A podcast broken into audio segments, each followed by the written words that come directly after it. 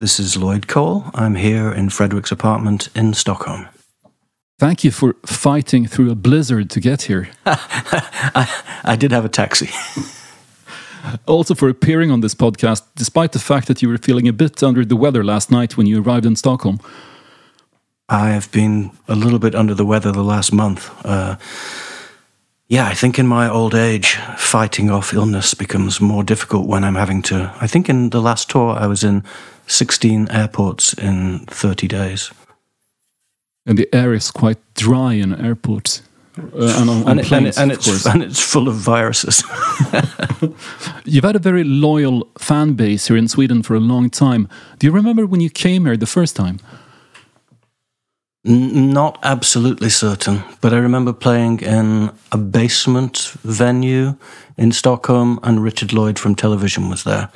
That was definitely with the commotions. I think that was the first time because I think the second time, I think we only played twice. I think the second time we played some kind of ice rink. Um, and then when I left the band, Stockholm became one of the places that seemed to like me as a solo artist more than, say, London did for a while.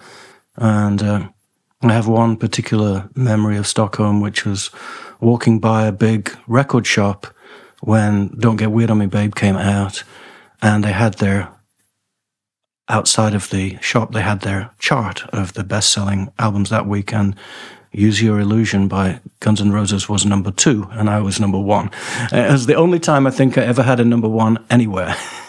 But you also have quite a big audience in France, don't you?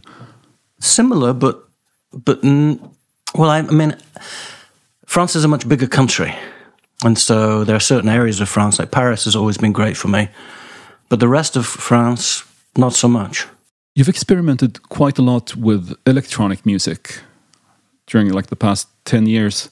Um, and your latest album, On Pain, features a song called I Hear Everything, which was apparently written back in 1983 by, uh, or the, the melody was written by Blair Cowan, the keyboard player in the Commotions. Uh, at, at, that time, did you ever consider like becoming an electronic pop group rather than a guitar band like the Commotions? In 1982, the first music that Blair and I did together was a group called Fun. It was just the two of us with uh, some Casio keyboards and a drum machine. And I think we wanted to be something like Soft Cell or Yazoo.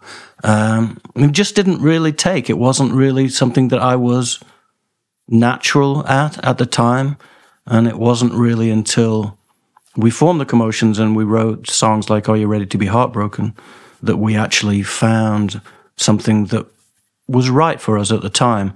Um, but I've always loved electronic music since No Pussyfooting when I was 13 years old, I think. Uh, I've been listening to electronic music pretty much my whole life.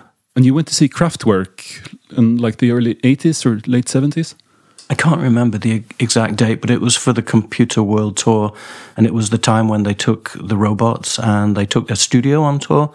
It was amazing. I saw it was in Glasgow Apollo, which is subsequently closed because it was quite a dangerous building. And when they played Autobahn, the whole building was shaking quite frighteningly. that must have seemed a lot more like exciting visually to see their studio on stage than just four laptops. I don't understand why they do it with the laptops these days. It makes no sense to me. I think they, they try to be modern, but it's, you know, I saw them in. You, you get the feeling that they're on Facebook. I, I don't know.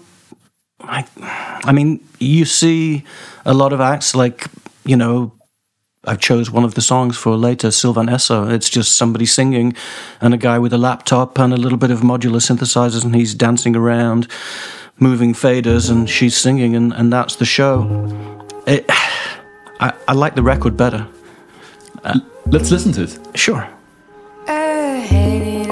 plane that before you met me was gonna leave early and so swiftly. Maybe in a fire or crash off a ravine, people would weep how tragic so early. I was gonna die young.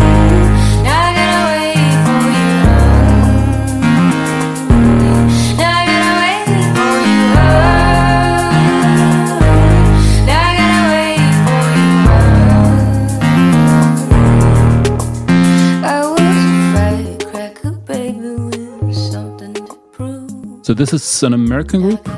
Yeah, this is uh, Sylvan Esso. Um, she's from California, I think. He's from the Pacific Northwest. Just two of them. I know him because he's on a forum discussing electronic music and techniques that I was on, and we sort of became friends. I had no idea he was in Sylvan Esso. and we were talking about something, and I, I saw a reference. People were talking about his latest album, and I went and listened to it, and I went, oh my God.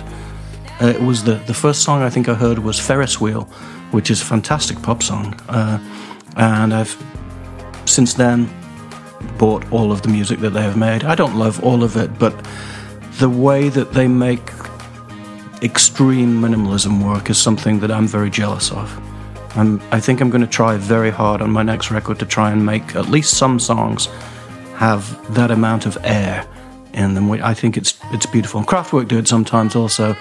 Um, and people like Plastikman do it very well, just managing to make almost nothing into music, which I think is lovely.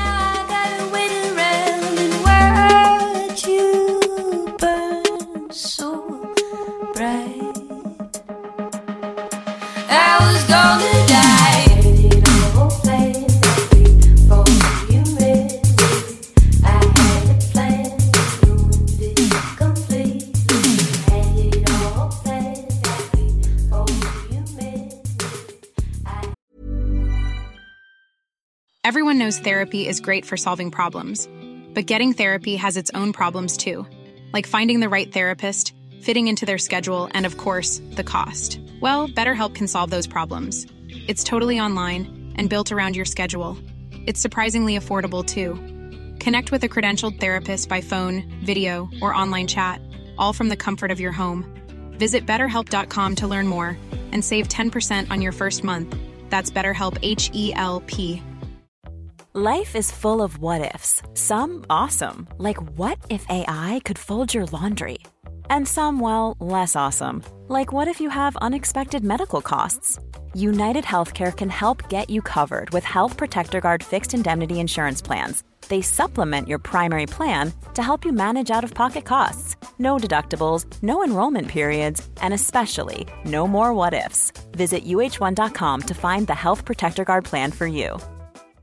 This is Paige, the co-host of Giggly Squad, and I want to tell you about a company that I've been loving, Olive and June. Olive and June gives you everything that you need for a salon quality manicure in one box. And if you break it down, it really comes out to $2 a manicure, which is absolutely insane. It's also so easy to get salon worthy nails at home with Olive and June. The difference between how your nails used to look when you did them yourself and now with the Mani system is a complete game changer. The best thing about Olive and June too is it's a quick dry. Dries in about one minute, lasts for five days, and full coverage in up to one to two coats. Visit oliveandjune.com slash perfectmani20 for 20% off your first system. That's oliveandjune.com slash perfectmani20 for 20% off your first system.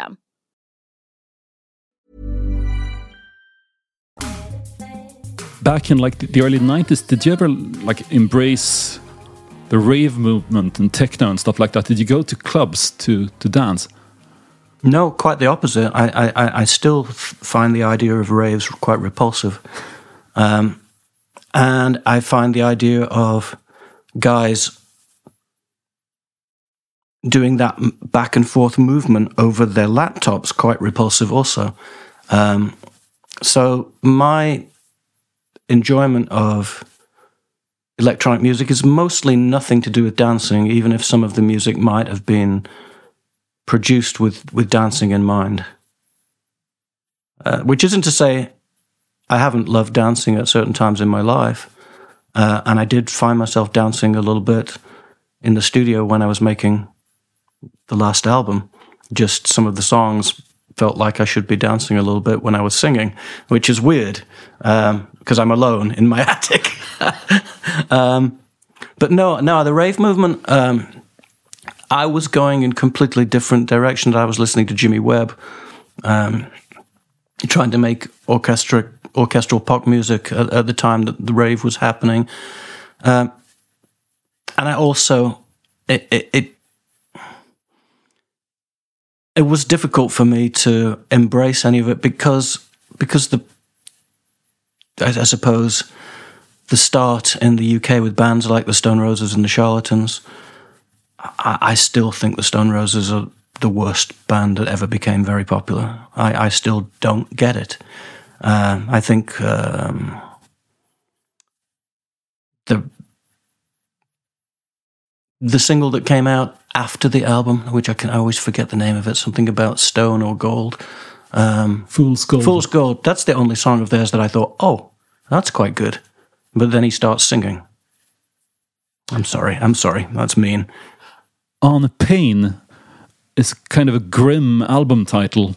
What, what kind of um, pain do you explore on in your songs? Well, I think songwriting takes you to places that you don't necessarily intend to go to or want to go to. You know, they the songs in their evolution quite often feel like they have a mind of their own. And On Pain came from a line in the song, which is now called On Pain, which is We Sing on Pain on the Untrained Heart, which I thought was a nice place to start for a song because that is what we do. Um, one of the things that we do. Um, and I was going to call the album Pain and the Untrained Heart until my oldest son told me that he thought that sounded like a bad Paul McCartney album title. and uh, I said, oh, whoops. And uh, so I, I, I thought, well, what about something much shorter? And then we, we started looking at it on Pain. And it's, it's a very arbitrary thing making a title for an album. I mean, Rattlesnakes, Rattlesnakes is probably the best title whoever did because obviously it means nothing. It has no there's no, you don't buy an album called Rattlesnakes thinking this is an album about reptiles. You, you know that's not going to be the case. You know it's just a label that you put on the album. And the thing I liked about On Pain was that it was using the word on rather than the word about. And when we're talking about art, I like the idea that art lives, it lives in its own right. And a particular song doesn't have to be about something, it can just be something. And a song is something which different people will inevitably find different ways to listen to. And so using the word on in the title was attractive to me. And also it was very, um, it was very helpful making the artwork a lot better you know, having a very short title um, seemed to work with the, the image that we were wanting to use. So it's it's it's a pragmatic decision making an album title. When I first got the album, I read the press release where you wrote, "The album may be nearing commercial death, but my career has been in that state for almost 30 years, and here we are still, and I still want to make albums. I still want to be heard." Has it been that difficult for you on a commercial level? Well, sure. Yeah. I mean, there was there were two albums um, in my solo career that the record companies, the major record companies, were optimistic about. The first two, and then the third one was kind of a disaster, and the fourth one felt like it was re-establishing me with some kind of a hold in the edges of the mainstream um, and then it all fell apart with me, my relationship with the record company. And since then, I've been independent. And, and when I became independent was just about when the industry was changing and streaming was becoming more and more the thing to do for younger generations. Um, and making money from selling albums is something that I haven't done I haven't made money from selling an album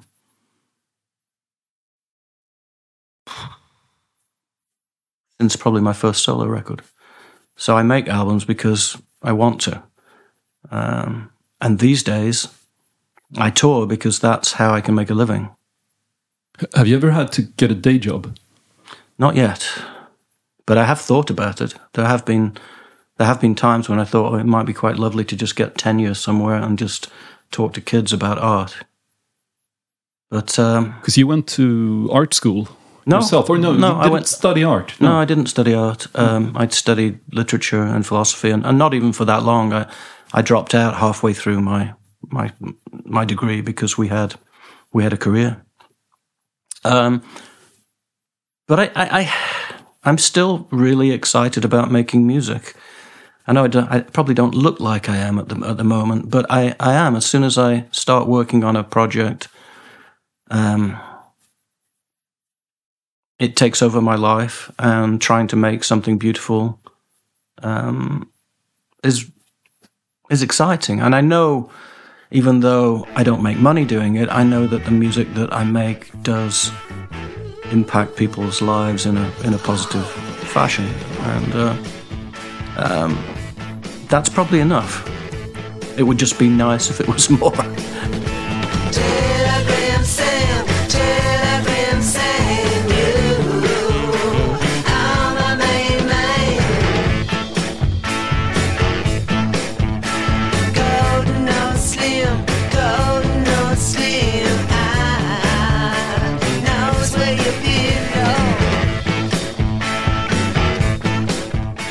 Telegram Sam by T Rex. I was 11 years old when this came out.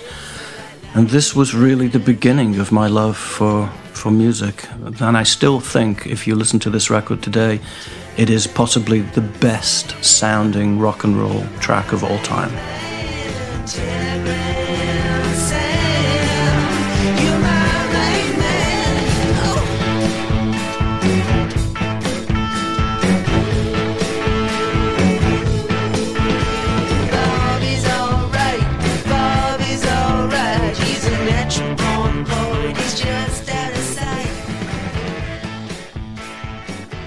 You can put Telegram Sam on in a bar when you you know sometimes you're in a bar and the jukebox is just useless and you can't hear anything, everything's muffled. You put Telegram Sam on and you'll hear it because it cuts through everything. It's like uh, the only other song I know that's as good as that for sounding strong is actually uh, "Living on a Prayer." I I don't love that one quite so much. But that's one of those songs. No matter how you know fed up you're with that song, it still kind of you know it, tends to give me goosebumps. F- for me too, because it, it's just completely perfect. Uh, everything about it, um, the delivery of the, the lyric, the complete nonsensical nonsensical nature of the lyric. There's probably only. Oh, I just see you have Lana Del Rey on your wall. I love her.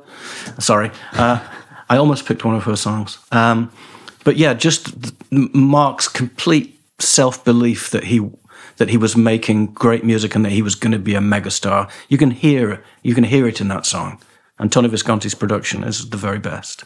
it's like the bubblegum pop version of Bruce Springsteen's "Born to Run" in a way, because he's singing about the same streets. He's, I think it's more like a bubblegum version of Chuck Berry with glam rock because uh, uh, actually on the previous single on Get It On, Oh, you, you mean T Rex? Sorry, I was thinking about Bon Jovi. I was still in. Ah, sorry. that's it. Sorry, yeah, my yeah. bad. bon Jovi is definitely the bubblegum Born to Run. Uh, um, and Lana Del Rey has a Born to Run song. If you, I think Ride is kind of very similar to Born to Run. It's got the same vibe. Yes. Yeah, yeah. Did you read her book of poetry? I did not.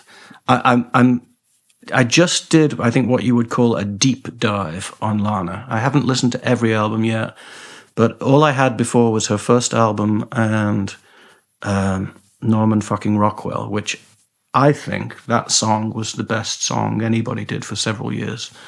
Um, so I started listening to, to to more of her music, and the thing that I'm kind of taken aback by is that she doesn't play the piano. It sounds like you couldn't write that song if you weren't the piano player, don't you think? Yeah, you're absolutely right because the piano has become her main The instrument. main instrument, You know, the piano and the orchestra, songs are- basically. yeah. Uh, the songs of hers that I love these days are almost all piano and orchestra. But maybe she plays rudimentary piano and then she plays them to somebody else. I don't know. But I really, I've become quite obsessed by her and quite intrigued to try and find out what her production process is because I think her records are wonderfully sort of timeless sounding. Speaking of bubblegum pop and bubblegum pop words, is it true that your A&R person, when you recorded Love Story, told you to stop using the word babe? so much in your songs. He did, yes. Um, That's like the essence of pop. So why would you? I think it was just. I, th- I think. I think the use of the word babe rather than the use of baby. I think the use of the word babe implies an Americanization, and I think my record company and my management at the time were worried that me having moved to America, I was going to be alienating the, the British audience, which is actually what happened. I'm not sure if it was just because I moved to America and started making these records, or, or also because it happened that rave culture and Britpop happened, and I was nothing to do with any of that as well. Um, but I, I, ironically, or not, maybe not ironically, um, I actually agree with him in retrospect. I think some of the songwriting from that period, with the use of the word babe or baby, is quite lazy uh, on my part. Still, your second solo album was called "Don't Get Weird on Me, Babe," which was a quote from Raymond Carver, Yeah, one so- of your literary heroes. Yeah, I suppose if Carver can say babe, I can say babe. But I, I mean, that Americanization wasn't that kind of like the point? Because I, I remember when I discovered your music and the commotions in the late 80s, I, I discovered you at, at the same time that I discovered the Smiths. And they seemed to sing about like Very, they, they had this romantic view of British greyness, rain and g- greasy tea or whatever, while the commotions were looking to across the Atlantic. You, you- I mean, even an album title like Rattlesnakes, it signifies something. It signifies the US It signifies the desert. because you, you you don't find many rattlesnakes in England. You don't, um, and we were. I mean, the, even when we got around to making the video for for the uh, the song Rattlesnakes, we sent Peter Anderson, our photographer, to America with a video camera, and he drove around freeways taking video shots of of the freeways, and uh, so yeah, I, I I had a, I had that lovely romanticized version of America as this everything on a grand scale. Um, also, most of the literature I was reading was coming from America at the time. Um, so it was natural for me to be looking in that direction. And even though I didn't plan to move to America, it was quite natural when I ended up in New York and just thought, well, I like it here. So I'll stay here for a while. Midnight. You got me reaching for the moon. Calling Midnight. You got me playing a fool. Calling Midnight.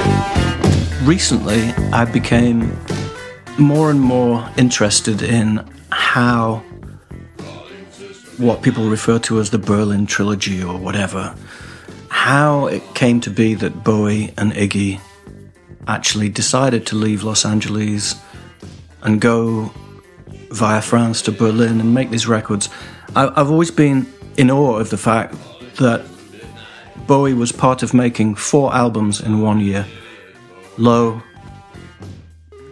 um, The Idiot, Lust for Life, and Heroes, all in one year. And all four albums are just astonishing albums.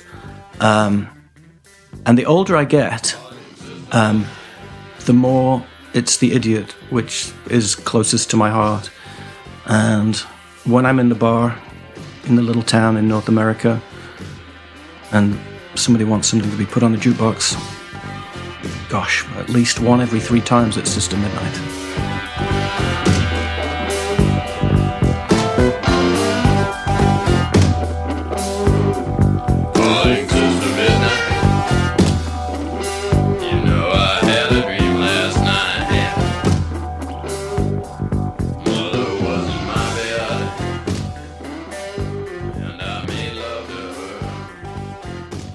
And there's a track on your latest record called "The Idiot" where you sing about Bowie and Iggy, I sing, I, I, I or sing, about a couple who moved to Berlin. At I mean, obviously, it's, ba- it's it, the the idea is it's based on the two of them, and I and I did do some research, and and I really do think that it's a it's a it's a lovely story, and I don't I don't find myself singing about what you would what you might call lovely stories very often, because they really did they they saved each other. They were almost certainly both going to die.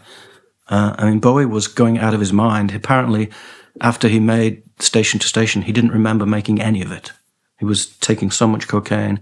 He was living in Marilyn Monroe's uh, little house, and he really did believe that her ghost was haunting this swimming pool. Uh, and Cherry um, Vanilla really did drive by one time and find found found him turning blue.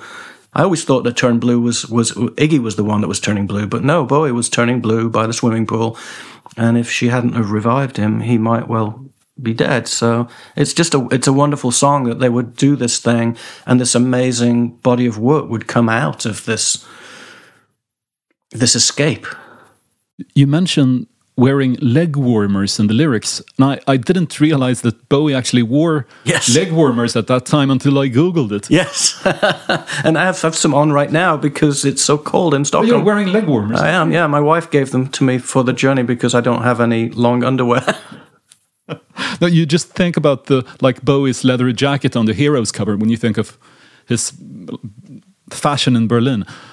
But no, he was wearing he was wearing a lot of uh, plaid shirts and jeans and leg warmers, and I like to imagine that they were cycling as well, but I don't know if that's true. Do you know if Iggy has heard your song yet?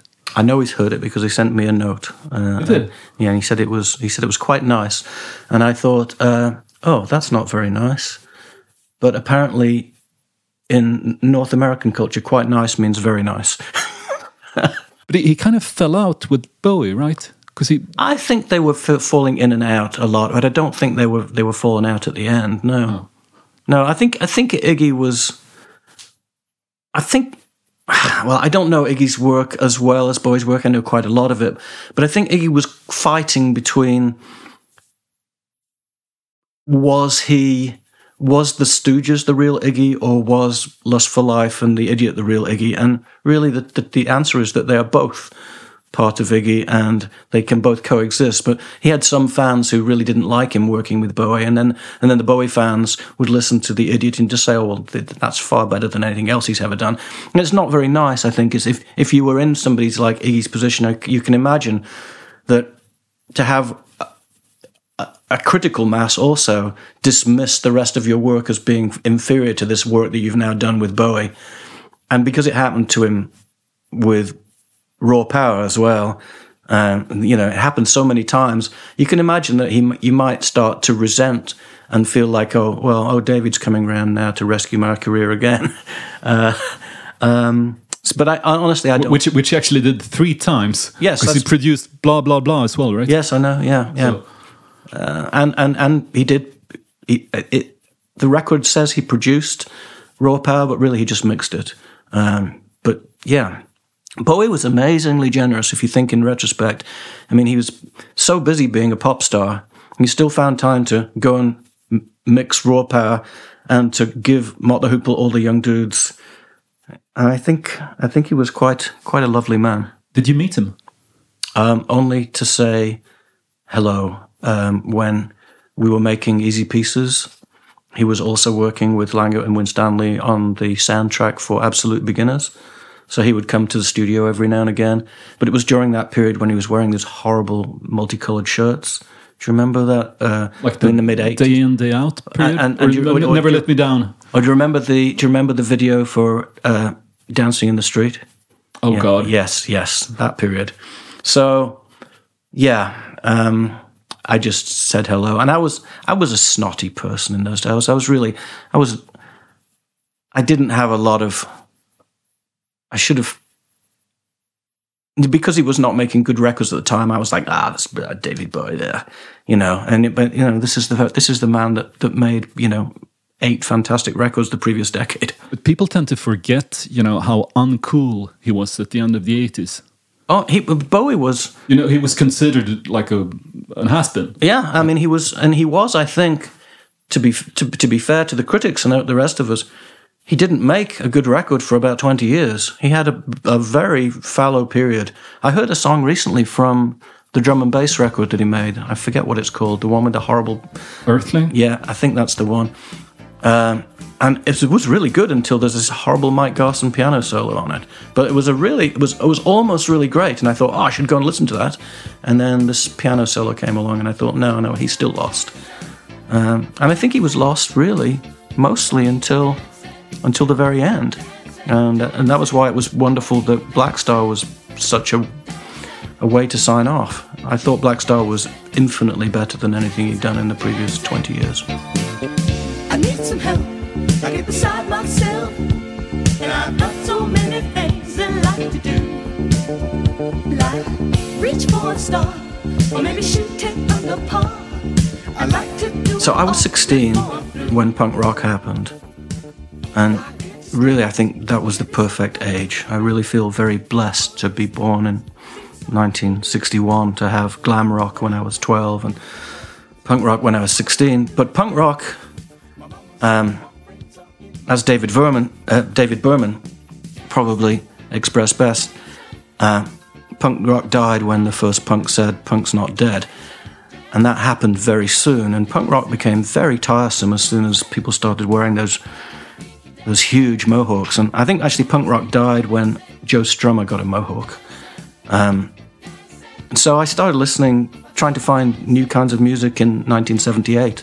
And there was a record shop across the street from where I was living at the time, and I, I bought a, a compilation of Stax music, um, which led me to Isaac Hayes, which led me to Funkadelic, which led me to Chic and um, Nile Rodgers and Bernard Edwards productions, and uh, I do believe that those they were the best pop records of their time, and they made again they were like they had a golden period in the way that Bowie had a golden period or Prince had a golden period.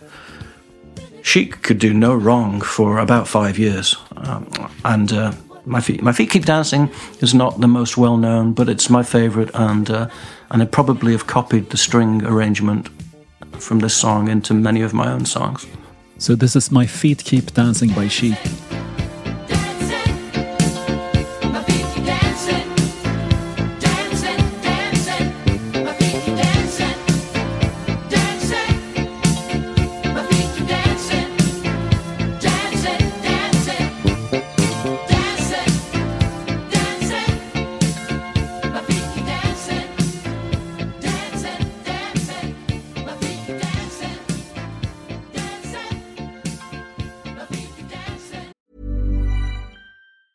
When you're ready to pop the question, the last thing you want to do is second guess the ring.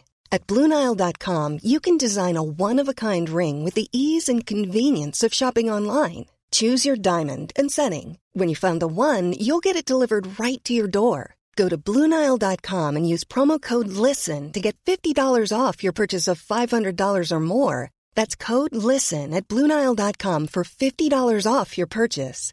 Bluenile.com code LISTEN. Millions of people have lost weight with personalized plans from Noom, like Evan, who can't stand salads and still lost 50 pounds. Salads, generally, for most people, are the easy button, right? For me, that wasn't an option.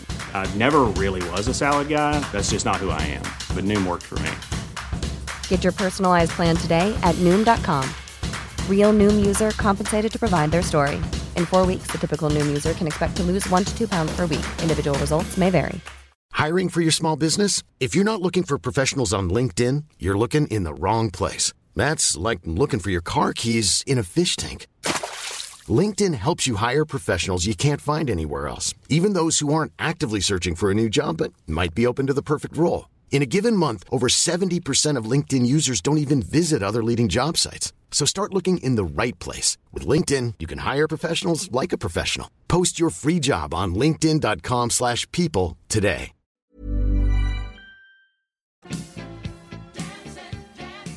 But this is music that might get you dancing, right? Oh yeah, and this, I mean, I, I mean, I was keen dancer at this time. Um, so if you think, you know, when the commotion started, we were um, we were wanting to be a group that people would dance to. We and we uh, before we wrote "Are You Ready to Be Heartbroken," we I imagined us to be doing something more like what the Style Council or Scritti Politti were doing, which was, I know, Blue Eyed Soul kind of thing.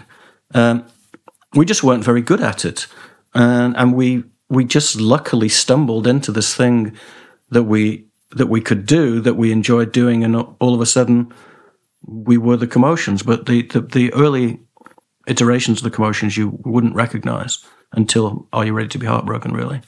I was watching some old videos on YouTube and I came across this uh, performance of uh, My Bag by the Commotions on Terry Wogan's TV show, where you changed the line excuse me one moment whilst I powder my nose to excuse me one moment whilst I launder my clothes. Did they make you change that line on TV? They did, yeah. And and I think that was before you used to be able to say, just fucking bleep me. uh, but yeah, yeah. Although I do think launder my clothes was quite quite if you're gonna if you're gonna switch it, that's not a bad line. Still the song is pretty druggy as it is, you know, it's I, I, I that was my observation. There was I saw a lot of that going on around me at that time, uh, and then I just read uh, Bright Lights, Big City, um, and uh, it, yeah, it, it it was it was a lovely song to write from the point of view of of of, of writing a stream of consciousness type song because because I would actually hear when I would go out at night, I would pe- I would hear people talking gibberish just like this lyric. and, and uh, I think you know there's a song called "More of What You Are" on the new album, um, and I originally got the idea for that song around about the same time as my bag because I heard a guy who was obviously incredibly high on cocaine in a in a club one time saying about why cocaine was so great was because it made you more of what you are which is uh, in his case was uh, an asshole. How long have you lived in the US now? More more than half my life. Um, I am about to turn sixty three, um, and I was well half my life then because I was twenty seven when I went there. And what made you leave New York? Um, econo- you, you, live in Massachusetts. Yeah, now, uh, yeah. E- economics. Um, our second child was born in New York, Frank, in 1999, and it was incredibly expensive to have children in school in New York. Um, and I had no what you could call job security at the time. My my career was really all over the place. Music in a foreign. I mean, I'd fallen out with my record company and I hadn't made music in a foreign language yet. So I was in that period where I really wasn't making records.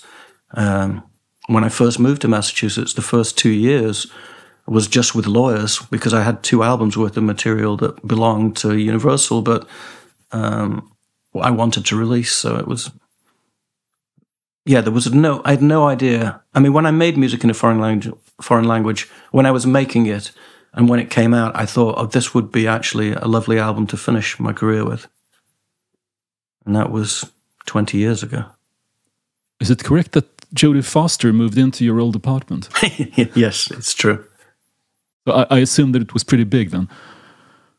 It was a good size for New York, yeah. Uh, I built a, I, I built a studio in the apartment, uh, and within two years I had to liquidate it because my contracts were uh, repudiated. And on the one case, I lost my publishing deal, and on the other case, my record company promised to do something and then didn't do something. And so I had the choice of leaving the record company, trying to find a new record company, or selling the apartment. And I sold the apartment. How American do you feel after all these years? Not not even slightly American. Not even slightly. No, I mean I know my accent has been changed by living over there, and I certainly don't go into the grocery store and ask for tomatoes anymore. It's a waste of time because they say they either say "Excuse me, what?" or "Oh, say that again. It's so cute." uh, um, but I think I think probably the best way to to summarize me living in America since uh, 19 88 is uh, I still don't understand any American sports. I watch, I can watch basketball, I can watch baseball, but I don't understand any of them. That's a bit of a like an enigma because people say sometimes that Americans are stupid, but their sports are super complicated and almost impossible to understand. They are. They are you know, try try watching like a, an American football game. Yeah, without without having grown up with it, it's impossible.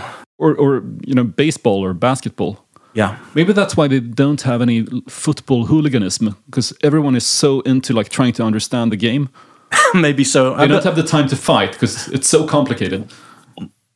Like maybe so. I mean, I think the only sport they have over there that's that's comparable is you have it up here also is ice hockey, and they do have fights in ice hockey, but usually on the rink.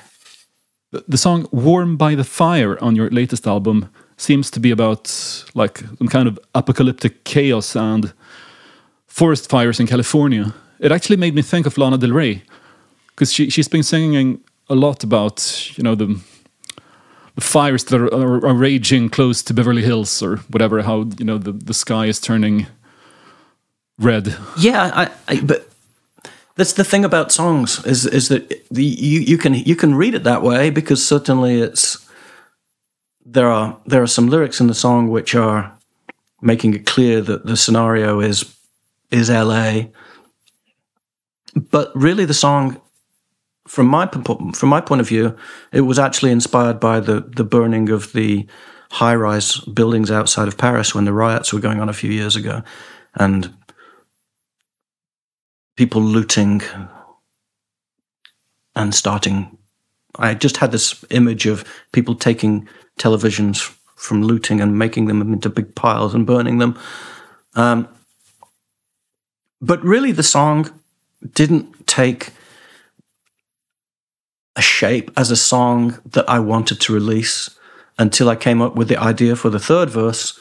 And in the third verse, I think it questions, or the narrator questions, is is this really happening, or is this possibly just a video game that I'm playing?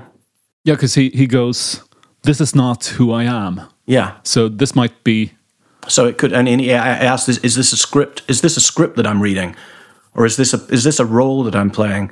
Uh, Uh, Have you read the book Glamorama by Bret Easton Ellis? I have not. Because it's well, it, he comes back to that the same theme that the narrator is not very reliable. Yeah, the- the That unreliable something narrator. is is you know off a bit. It's the same with the Shards, his latest book, where you you you can't really trust the person telling the story. that it's it's it's a nice it's a nice concept, and it's certainly something that is very attractive to me because I don't like the idea that when you listen to a song that that the point is to try and think what is the writer trying to tell me. I'm not trying to tell anybody anything. I'm trying to create a scenario where this where there's a good chance that the narrator is unreliable because certainly um, you know when we tell stories we tell them from our point of view and sometimes we delude ourselves we don't, sometimes we don't even mean to be warping the story but we do it anyway it's like it's like when you when you when you study history uh, as a child um, i think it's quite clear that if you learned the history of the 15th and 16th centuries in England, and you learned those same histories in China or South America, you would hear very different histories because we called we called their seamen pirates, and we called our guys explorers. Speaking of like writing uh, and writing utensils, Morrissey once said that you were the sort of person who gets erotic about blotting paper, which true. is the type of paper that you use to absorb ink from writing paper. You know, if, if you're into reading and writing, as Morrissey is, that's a compliment, I guess. Yeah, absolutely, and I am. I'm still entirely fetishistic about uh, stationery, um, mostly mostly German and Japanese these days. And you also sell very beautiful handwritten pages of your lyrics. Yeah, I had to. Um, I didn't know that people did it until we came to lockdown. I mean, I, my my tour in 2020 got to Gothenburg, and that's when we were shut down by COVID. And at that point, the tour hadn't become profitable, and uh, I didn't realize that I was going to be completely out of work for two years. So started doing all sorts of different things, um, and selling the lyrics was it was a godsend, really. I mean, I must have sold about about 500 of them over two years, and it really it stopped. It, it paid my mortgage. Have you ever thought about writing a book or a, like a poetry collection? Well, people are always asking me. There- there- There's even a picture on your website of a very beautiful book called Poetry and Prose, which is a quote from my bag, but that book doesn't seem to exist. No, it's a it's a it's a fake uh, image. Um, I'm talking to people again. I mean, I've written, I've done some journalism, I've written some essays over the years. Um, I know that if I want to write something, that I'm okay with my voice as a prose writer. I think that the reason I took the commissions back in those days was was to find out if I could write prose because I, you never know, you might be awful. Um, but I honestly, I, I, I, would never had an idea for something. I still don't have any desire to write fiction. Um, I have very little desire. Very, mostly anything that might be like poetry that I might want to write becomes a song. Um, and there's a possibility of something like a memoir, but the only memoir I've re- I've read in the last twenty years that that sounds anything like what I might be interested in writing was um, Chronicles, the uh, volume one, even though he never did volume two yet, the Bob Dylan book.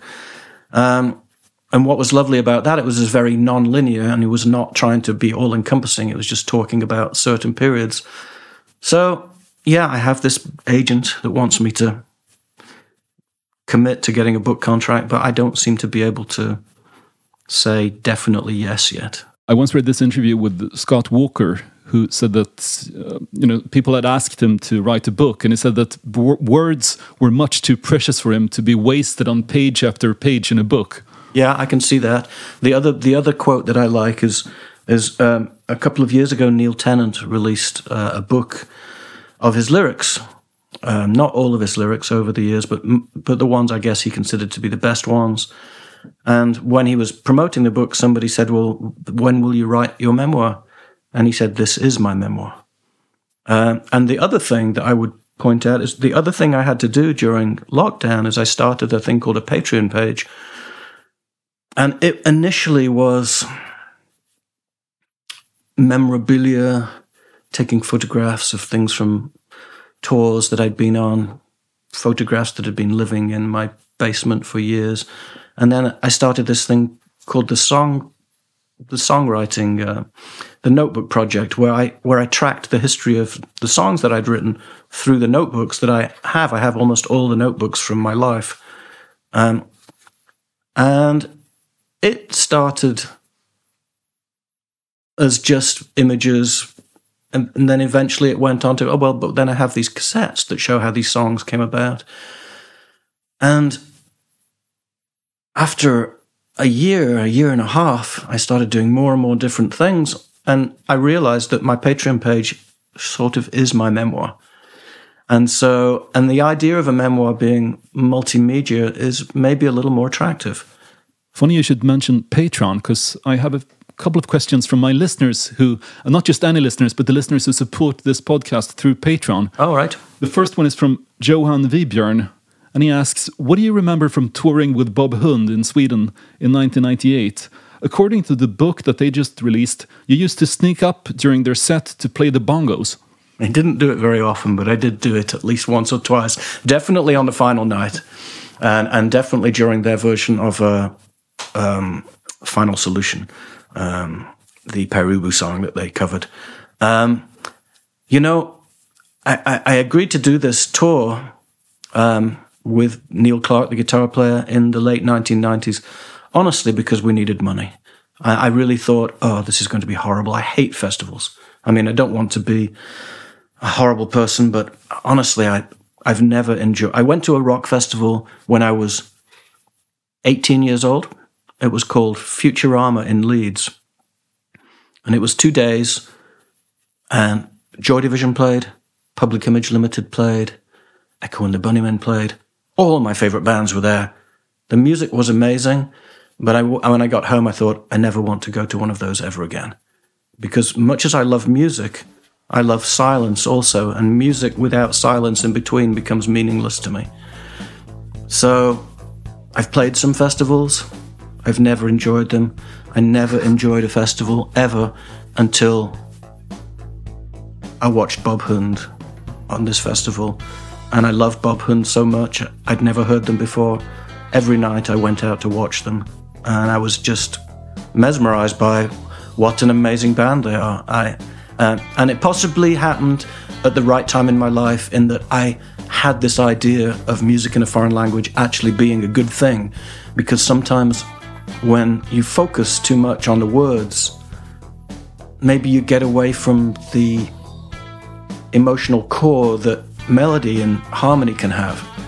Uh, and I just, I fell in love with Bob Hund. I became friends with them, and and they didn't mind if I snuck on stage and played bongos every now and again.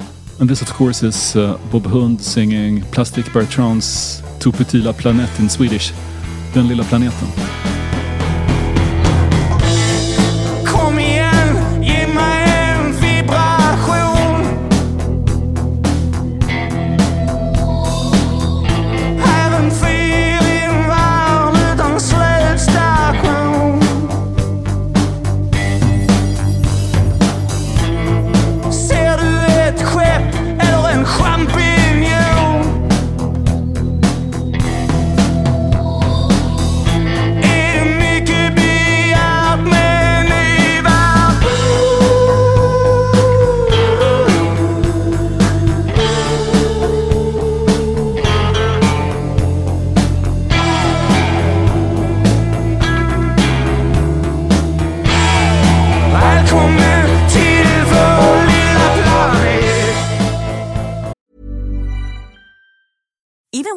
Budget, we still deserve nice things.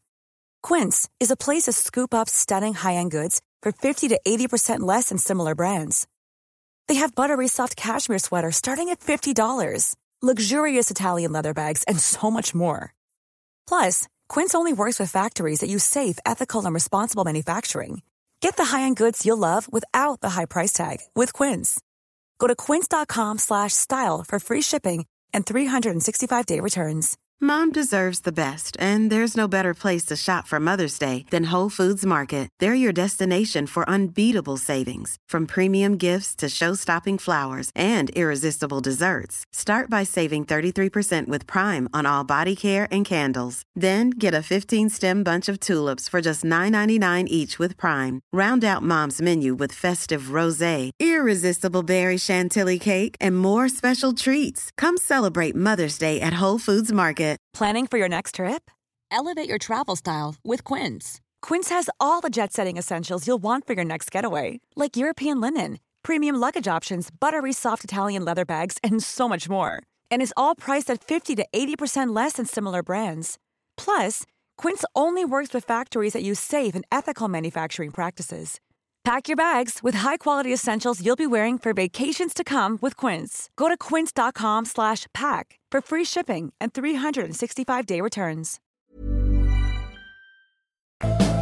One of my friends went to see the Scottish group Aztec Camera in Stockholm once in the early 90s, and he told me that when Roddy Frame went on stage to do encores, he asked the audience, Do you want to rock?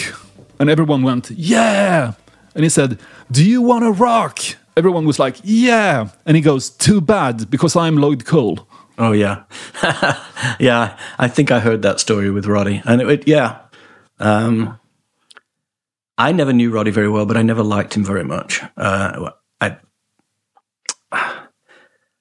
I always felt that Roddy was too good of a musician. He was such a talented guitar player. I felt like the limitations that somebody like I had helped me because I could only do this or I could only do that. Whereas he was so good that he could do almost anything. I felt like as soon as he'd made his first few records, which I thought were wonderful, he he looked like a very confused musician to me. Uh, and so he definitely wanted, he definitely was interested in rocking out, and I definitely wasn't. And then you wrote a great song called I Tried to Rock. Yes. Where, where you, what kind of obstacles prevented you from rocking? Self consciousness. And the song ends with the line, I tried to no avail. I guess I'm glad that I failed. Yeah, I'm singing it uh, tonight. It's back in the set because uh, I found a, I found a way to talk. I was talking about one of the songs I wrote during the period that I was trying to rock when I grew my hair and I and I yeah, I did have four girlfriends briefly. Final listener question from Peter Altzen. Do you still invite people over for poker at your place?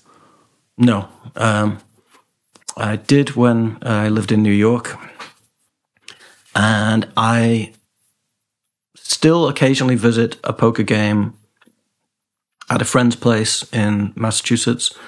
But I have finally, I, I've come to be at peace with the fact that I'm not a very good poker player. I always feel like I should be a good poker Did player. you lose lots of money? No, No. no. And, I'm quite good at uh, I'm quite good at, at blackjack. If I go, I like I, I do like gambling. I go, but I but I know I have a rule. I go to the casino. I take two hundred dollars. If I lose two hundred dollars, I must stop. If I win four hundred dollars on top of the two hundred dollars, I must stop. So I'm, I'm I'm I don't have a problem with gambling. I have, many other problems, but not gambling. I Know that I'm not doing great, but you're almost translucent. You've taken it all too far, and it was beautiful.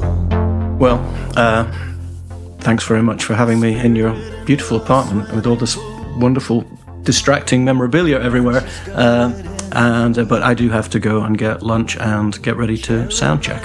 Thank you ever so much for coming over, and thanks for decades of great music. You're very welcome. Thank you.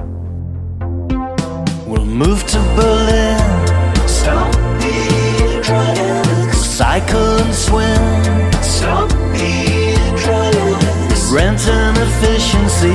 You'll take the serious guys. I'll be the idiot. Den här podcasten producerades av Daniel Bäckström för Lejon Media. Lloyd Cole var hemma hos Drage. studio and our jeans and our leg warmers. We'll cycle to the discotheque We'll cycle home. LA is so 1975. We've gotta get out. How are we still alive? No more limousines, no more endless white nights. We'll move to Berlin.